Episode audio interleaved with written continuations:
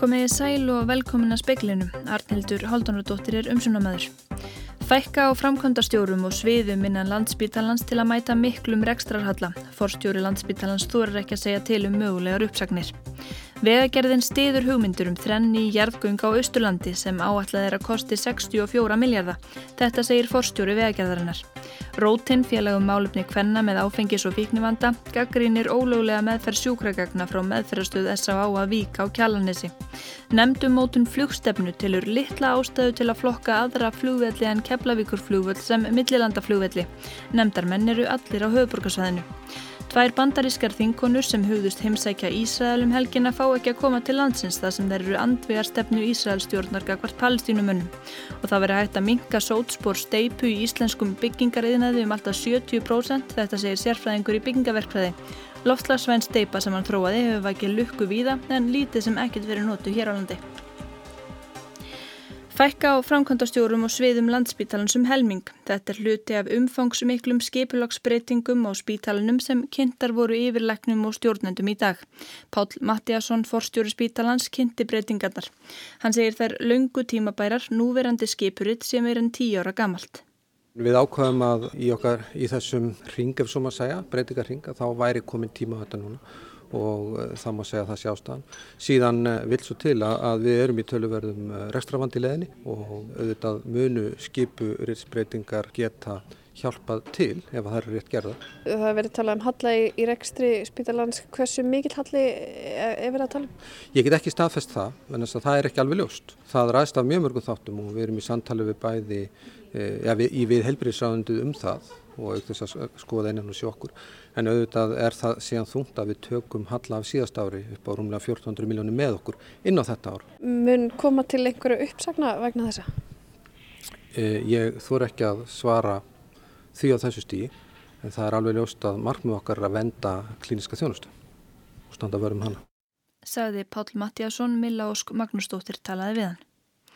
Bergþóra Þorkelsdóttir forstjóri vegagerðarinnar tilur að hugmyndur um ný jarðgönga á Austurlandi verði að veruleika. Starfshópur um jarðganga kosti á Austurlandi leggur til að þar verði grafin þrenn göng sem getur samtals kosta 64 miljardar króna. Samgöngur á þeirra kynnti skýslu hópsins í gær og sagðum leið gerlegt að grafa svo dýrgöng með blandari fjármögnun. Bergþóra segir að vegagerðin stiði þessar hugmyndir. Við teljum þetta að vera kost, þetta er náttúrulega ákvæmlega fjárfreg framkvæmt þannig að, að það verður krefandi að finna út úr því en, en, en ef maður les skýsluna þá sér maður það líka að þetta, það þarf lausnir á Östurlandi ef við viljum að Östurland verði áfram áhugavert búsettu svæði fyrir ungt nútíma fólk. Hvernig samrýmist þetta áallunum vegagerðarnar? Eh, við erum nú bara að endur skoða okkar áallanir eins og, eins og efnistanda til um þá að leggja nýja samgöngu áallin fram og við hérna, erum bæði að horfa á þetta náttúrulega í almennri forgangsröðun en líka að velta fyrir okkur eins og ráðhrann hefur komið inn á ýmsum fjárfest eða leiðum til að fjármagna uh, samgöngu framkvæmdir þannig að, að það er fyrir okkur í vegagerðinni skipti megimáli að hafa forgangsröðun að skýra með sér sammála um um markmiðin og þetta er liður í því að skýra þá mynd. Það eru tvær hugmyndir alltaf upp á borðinu, hinn er að fara upp úr, upp úr mjóafyrðinum og þá upp á Fagradalinn. Það er vist 11 miljardum ódýrara, finnst þér það eh, koma til greina? Ég held að við getum sagt að við hjá vegagerðinni við, við, við stiðjum þessa niðurstöðu skýslu höfunda. Að fara þá þessa leiðum í gegnum fjaraðriða? Já. Saði Bergþóra Þorkelsdóttir í viðtalið við Jóhann Bjarnar Kolbensson. TF Gróð þyrla landhelgiskeslunar var sent á sjötta tímanum kölluð út að beðinni lauruglunar á Vesturlandi vegna lítillar flugvélar sem hlegtist á í lendingu á Svefnegu. Tveir vorum borð og slösuðust þeir ekki. Þyrlan flytur fulltrúa rannsóknar nefndar samgönguslis á Vettvang sem og lauruglumenn frá Stikisólmi. Kínversk stjórnvöld tekjast ekki sitja hjá ef mótmæli í Hong Kong halda áfram og verða harðari. Þau eru reyðubúin að grýpa inn í snatri ef mótmælin verða stjórnlus, segir sendiherra Kína í Breitlandi. Kínverska óerðalögreglan hefur staðið fyrir æfingum skamt frá Hong Kong. Búist er við því að mótmæli halda áfram í borginu um helgina. Þau hafa staðið í tíu vikur og verðist ekkert láta ætla verða á þeim. Vestræn ríki, meðal annars bandaríkin, hafa kallað eftir stillingu eftir að til átaka kom millir mótmælenda og lauruglu á flugvellinum í Hong Kong. Tæplega þúsund flugferðum hefur verið aflýst í vikunni og réðust mótmælendur gegn tveimur mönnum sem þeir sökuðum um að stiðja stjórnvöld í Peking. Kínverski herin hefur staðið fyrir herafingum skamt frá landamörnum á Hong Kong og ítrekkað varaði yngrypum annara ríkja í málefnum borgarinnar. Skamt frá í kínversku borginni Shenzhen hefur öryggislaurugla staðið fyrir umfangsmiklum æfingum í vikunni. Meðal annars hafa verið æfðar aðgerðir gegn mótmælendum og meirinn hundrað svartmálaðir herbílar voru á bílastæði við leikfang þar sem æfingarnar fóru fram. Kínverskir miðlar greindu fyrst frá æfingunum á mánudag og listi bandaríski yfirvöld áhugjum sínum af þeim og að tilgangurinn með þeim var að brjóta á bak aftur mótmælinn. Heimildamenn Reuters herma þó að lítill áhugi sé fyrir því að senda kínverst herli til Hong Kong meðal stjórnarinu í Peking. Bandaríska uterikisraðnetið segir æfingarnar áhugjefni og hvetur kínverja til að virða réttindi Hong Kong búa.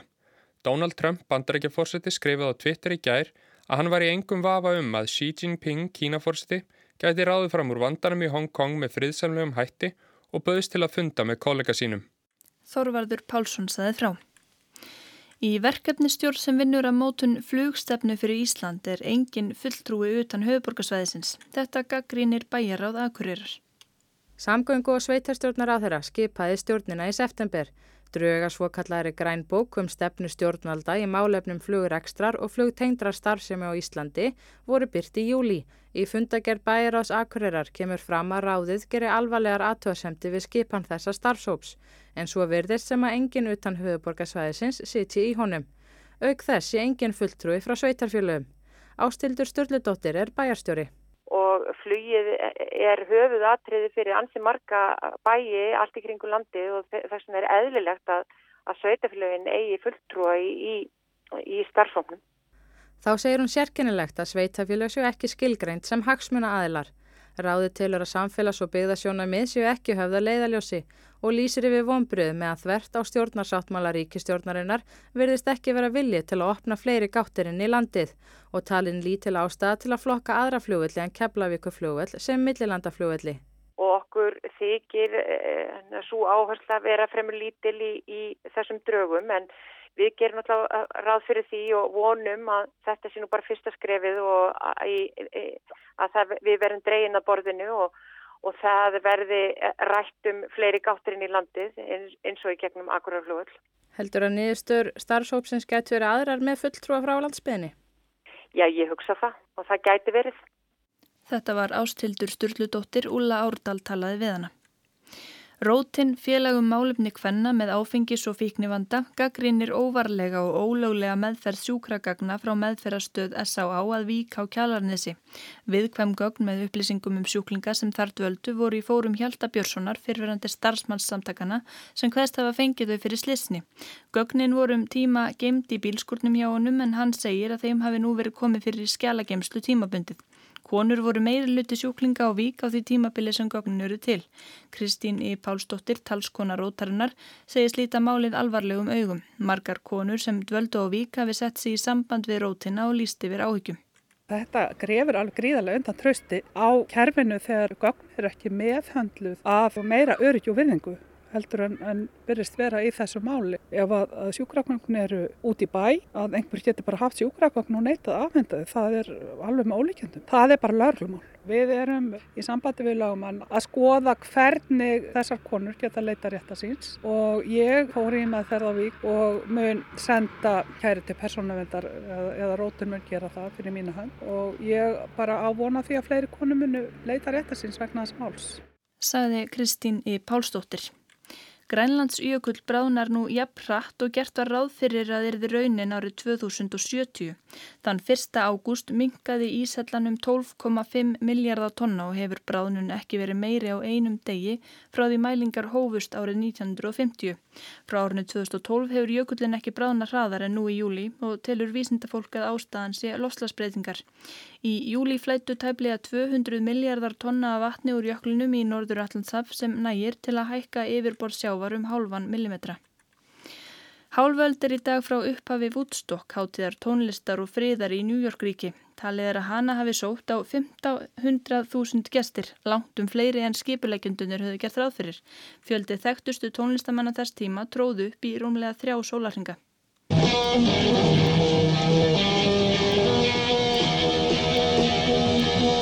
Einn þessara tónlistarmanna var Jimi Hendrix sem fekk þann heiður að enda háttíðina að kvöldi sunnudagsins 18. ágúst. Hann lauk reyndar ekki leik fyrir enn nokkur eftir miðnætti. Hápunktur framlags hans þótti vera tulkun hans á bandariska þjóðsögnum þar sem hann let gítarum bæði veina og hljóma eins og velbissuskotrýð til að minna á Vietnamstríði sem þá stóð sem hæst. Það skiptust á skín og skúrir meðan háttíðin stóði yfir. Um tíma var það að gera hljá henni meðan regninga hriðja gekk yfir. Þá skemmtu gestir sér við að renna sér í foraræðju sem þeir sem heima sátu fenguð að kynnast þegar kvikmyndum háttíðina var sínd í bíóhúsum um allan heim. Tónlistarupptökur frá Woodstock hátíðinni voru einni gefnar út á hljómplötum og síðar á geisladiskum. Síðasta endurútgafan kom út fyrir sumar á 38 diskum, nánast öll tónlistin sem flutt var á hátíðinni nema framlag Jimmys Hendrix. Woodstock hátíðin þykir eins og merkasta sem haldin hefur verið. Hún er í 19. sæti af 50 á lista tímaritsins Rolling Stone yfir viðburði sem breyttu sögu rock tónlistarinnar. Tilstóð að halda hátíði bandaríkjónum í, í sumar í tilefni 50 ára afmælisins. Er fyrir allanir runnu út í sandin vegna óeiningar millir þeirra sem ætluð að standa að þenni. Áskir Tómasson saði frá. Það væri hægt að minka sótspór steipu sem notuð er í íslenskum byggingareinaði um alltaf 70%. Þetta segir sérfræðingur í byggingaverkfræði. Loftslagsvæn steipa sem hann þróaði hefur vakið lukku víðum heim en lítið sem ekkert verið notuð á Íslandi. Stjórnandi á steipustöð BM Vallás segist tilbúin að minka losununa um 10-20%. Steipugeirin er íhaldsamur en það hættulegt að róbla mikið við steipu. Áhæslan hefur verið á gæði en nú eru græna hræringar að aukast í geiranum. Speillin rætti við sérfræðinga um steipuframlegslu og komst að því að það eru vannýtt tækifæri.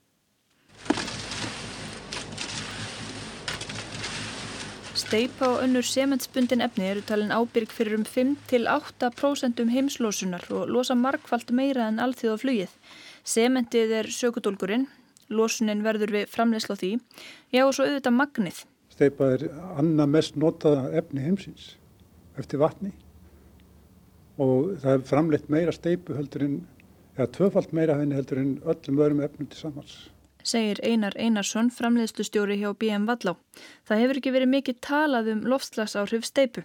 Við lendum náttúrulega fyrir nokkrum árantugur síðan, síðan í mjög slæmum málum í samvöndu gæðamálsteipunar, alkali skemmtir og ymslegt annað sem kom upp og í framvalda því það var gerðar mjög strangar kröfur, settar í staðla og reglugerðir og í þeim, því varum, við alls ekkert að hugsa um umhverjus spórið eða kolumspórið Seminsframlegðin er búin að gera ymmislegt. Þeir eru búin að setja inn efnin í sementi sem er umhverfisvatni.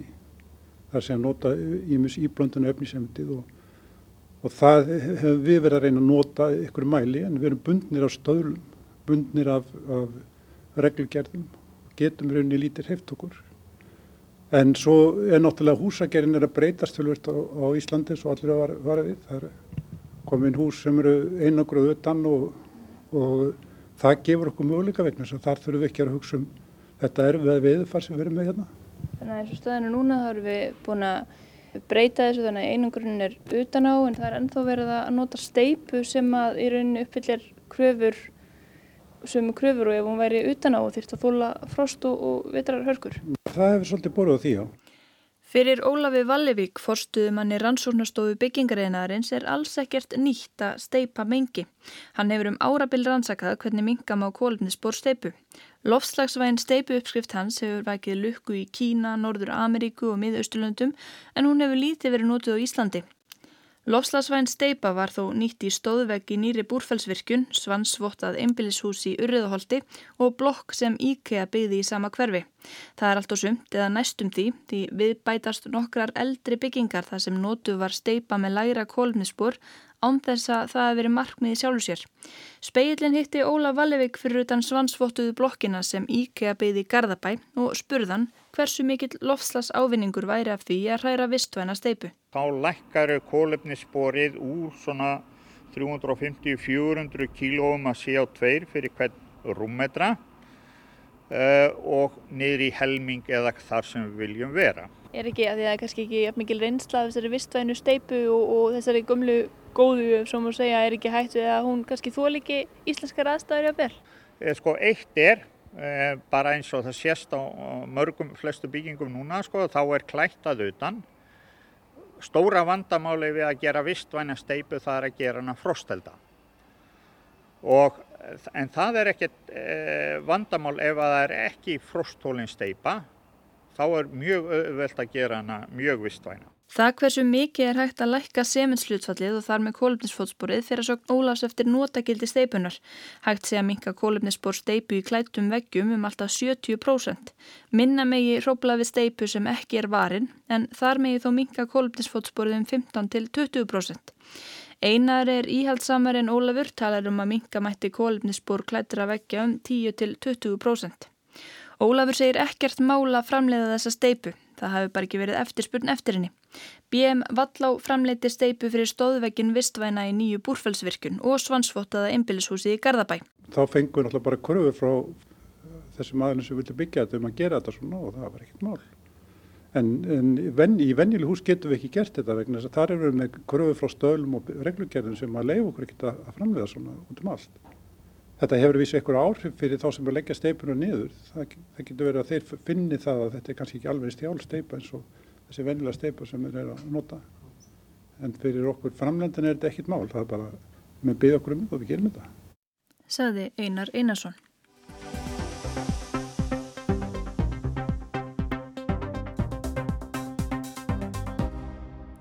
Sérfræðingar eru sammála um að vextir muni halda áfram að lækka. Þeir hafa undanförnu lækka nokkur hratt í nákvæmlega okkar.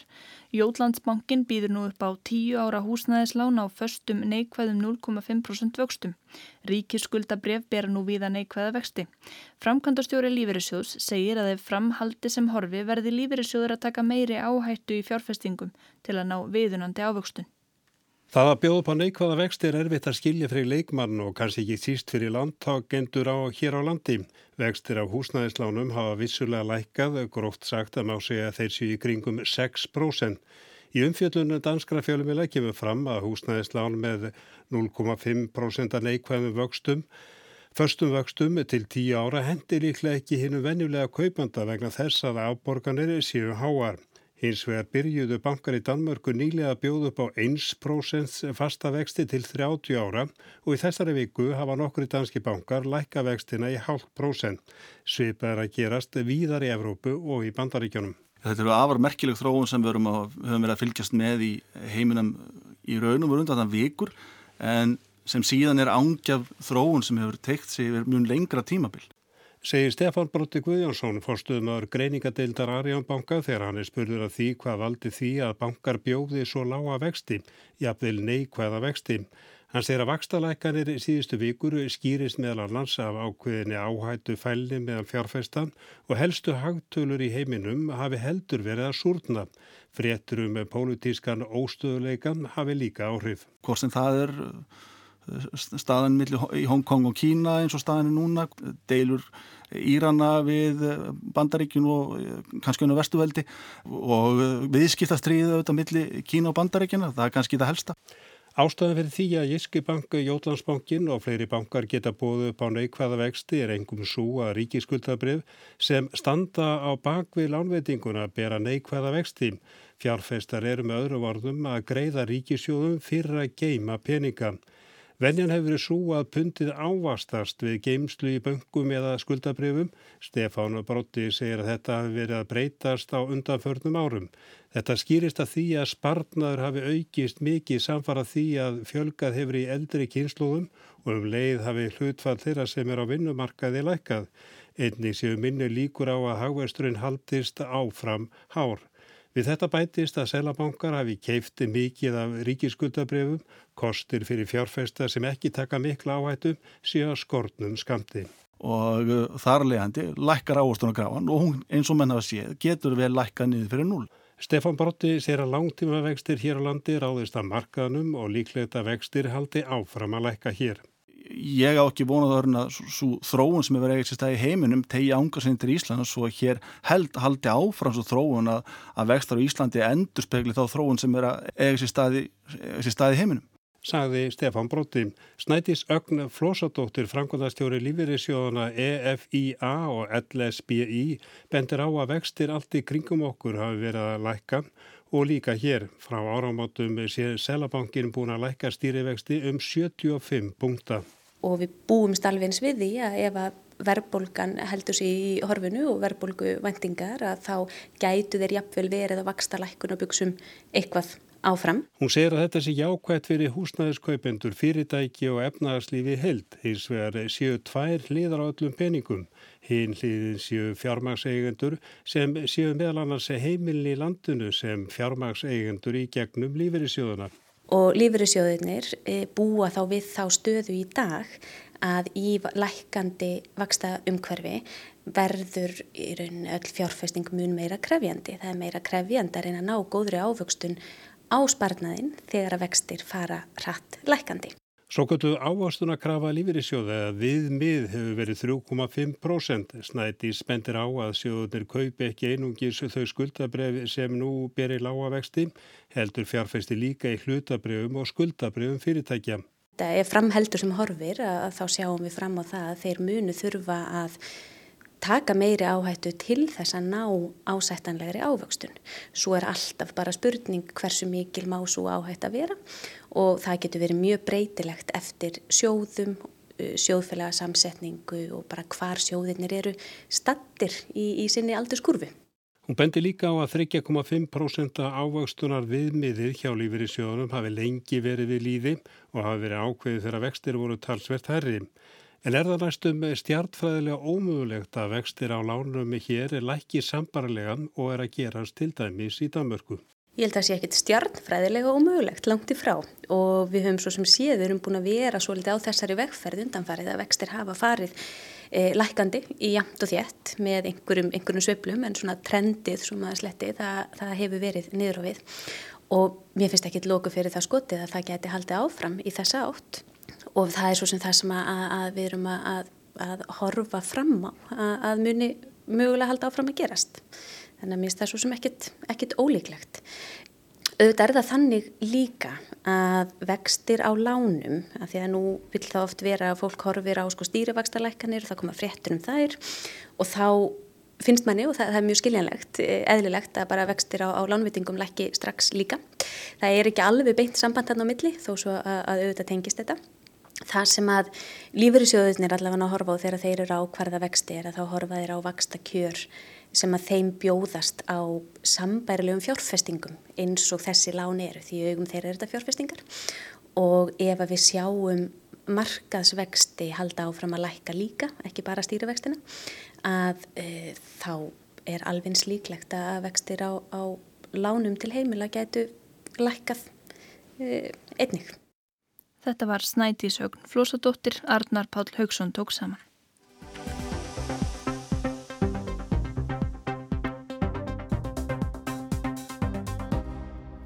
Félagið Lindsor er hluti ósaða kaplans í sögunni um lán Seðlabankans upp á 500 miljónir evra til kaupþings á hrundaginn 7. oktober 2008. Lindsor lánið er til rannsóknar í Luxemburg. Talsmaður Dóms yfirvalda þar sagði viðtali við speilin að rannsókn leiki brálega og málið er þá sendt til ríkisaksóknara Luxemburgar sem tækja síðan ákverðun um hvort ákjart yrði í málinu. Í sumar voru liðin tíu ár síðan Kaupþing Luxemburg var endurist í nýjum banka, Haviland bankanum, sem geymir enn ímis fortíðarmál Kaupþings. Þegar forstjóri Havilandbankans í Luxemburg skrifaði greinilega til að fagna tíara amali bankans, sæðan bankan hafa orðið til við endurskipulagningu annars banka, ekki orðum hvaða banki það hefði verið, Kaupþing ekki nefnt en í raun eru fortjarmál Kaupþings í Luxemburg en viðlöðandi. Kaupþing Luxemburg fór í greiðslustöðun í oktober 2008 um leið og Íslenski móðurbankin. Yfirvöld í Luxemburg og Belgíu hafði strax fullan áhuga á að veita lán til að endurreysa bankan, meðal annars vegna innstæðina á hávakstarreikningum bankans. Þessi vilji yfirvalda samræmdist áhuga stjórnenda og stærstu hlutafa kaupþings að endurreisa bankan í Luxemburg. Það er aðtiklisvert ekki síst af því sagamalarannsóknir á Íslandi í kaupþingsmálum afhjúpuðu þar leikil hlutverk kaupþings í Luxemburg. Árið 2007 hóf fjármáleftiliti í Luxemburg að kannast starfsemi kaupþings þar í landi. Í brefi til bankans sumarið 2008 gerði eftirlitið alvarlegar aðtóasemtir við starfsemi bankans um viðtæk lánbankans til kaupa á hlutabrefum kaupþings með veð í brefunum sjálfum að áhætta væri flutt af viðskiptavinnum yfir að bankan og einstæmi um lán til einstakra aðila yfir leifilögu mörgum í heiltar útlánum bankans. Það sem eftirlitið greindi þarna var vildarvina minstrið sem skýslaransóknar nefndar alþingi sem bankarhunnið afhjúpaði svo rækilega 2010. Minnstur sem vissulega gætti í hinuböngunum tveimur en var engar umfangsmikið í kaupþingi. En þessar alvarlegu aðfinnslur fjármáleftilitsins í Luxemburg við viðskiptahætti kaupþings þar virtust gufa upp um leið og bankin var komin í greiðslustöðun. Líka þó starfsmenn kaupþings störfuð þar áfram. Nú skiptu öllu máli að endurreisa bankan því yfirvöld töldu það bletta á orstýr landsins sem Evrósk fjármálaveldis að banki færðar í þrótt. Á endanum lánuðu yfirvöld í Belgi og Luxemburg 320 miljónir evra til að endurreisa bankan. Ríflegt lán en þó lítið miða við 500 miljóna evra neyðarlán Sælabankans haustið áður. Á endanum fannst kaupandi Umsvegamadurinn David Rowland. Yfirvöldi í Luxemburg kiftu sér ekki upp við að Rowland þótti meira en lítið vafasamur í heimalandinu Bredlandi. Orstýr sem breskir fjölmiðlar rivjuðu upp 2010 þegar Rowland, stærsti styrkjandi breska íhalsflokksins, ætlaði að verða flokksgjaldkerri sem er heiðurstaða. Eftir þá fjölmiðla umfjöllun komst Rowland að því að hann hefði ekki tíma til að vera gjaldkerri. Í vetur lagði eftirlitið í Luxemburg eina hæstu sekt á Havilandbankan sem sérst hefur þar fyrir að framfylgja ekki reglum um peningaþvætti. Róland gerði mikið úr því þegar hann keifti bankan að nýji bankin, Haviland, væri nýr banki. Hann var þó ekki nýr en svo að Róland hjælt í starfsmann kaupþings eftir þörfum. Magnús Guðmusson fyrir um yfirmaður kaupþings Luxemburg stýrði Haviland Þar til ljós kom 2010 að Magnús sætti rannsókn á Íslandi. Forstjóri Haviland Group er fyrir um starfsmaður Kaupþings og sama átti lengi við um fleiri líkilstarfsmenn Haviland. Í ársbyrjun 2010 var Íslenska fjármáleftilitið búið að kanna starfsemi Kaupþings nógu vel til að sjá ímislegt misjaftar líka í Luxemburg líkt og rækið var þá í ítarlegu brefi FME til eftirlitsins í Luxemburg. Í brefinu voru líka nefnd dæmi um skjálafall sem virtist framið bæði í Luxemburg og á Íslandi til að breyta til dæmis lánadagsetningum. Skjálafalls hefur komið við sögu í íslenskum sakamálum tengdum kaupþingi. Í kjölfar brefsins hóf fjármáleftilitið í Luxemburg rannsókn á Lindsor, félagi í eigun okkura likilstjórnenda kaupþings. Lindsor fekk stærstu einstöku greiðsluna 7. oktober 2008 þegar Kaupþing fjekk að láni 500 miljónir efra frá Sælabankanum. Saga sem enn ekki er sögð til hlítar þar sem ný skýsla Sælabankans um lánið svarar því miður ekki öllum spurningum eins og speilin hefur áður rækið. Angri Appers, talsmaður Dóms yfirvalda í Luxemburg, hefur tjáð speiklinum að rannsókn Lindsormálsins sé langt komin og saksóknari taki þá ákvörðun um ákjæru. Kaupþingsmálin eru enn á kreiki Luxemburg og þá líka í bankanum sem einu sinu var kaupþing. Sigrun Davidsdóttir segði frá og það var helst í speiklinum í kvöld að fækka á framkvæmdastjórum og sviðum innan landspítalans til að mæta miklum rekstrarhalla. Forstjóri spítalans þorir ekki að segja til um mögulegar uppsagnir. Vegagerðin stiður hugmyndur um þrenni í jærðgönga á Östurlandi sem áætlað er að kosti 64 miljardar. Þetta segir forstjóri vegagerðarinnar. Nemdum mótun flugstefnu telur litla ástæðu til að flokka aðra flugvelli en Keflavíkur flugvöll sem millilanda flugvelli. Nemdar menn eru allir á höfuborgarsvæðinu. Það væri hægt að minga sótspór steipu í íslenskum byggingareinaði um alltaf 70%. Þetta segir forstuðum að rannsóknarstofu byggingareinaðarins. Og sérfræðingar eru sammálum að vextir muni halda áfram að lækka. Þeir hafa undanförlun lækka nokkur rætt í nágrunarlöndum okkar. Það er ekki fleira í speklunum í kvöld. Tæknimaður var Magnús Þorstedt Magnússon. Verðið sæl.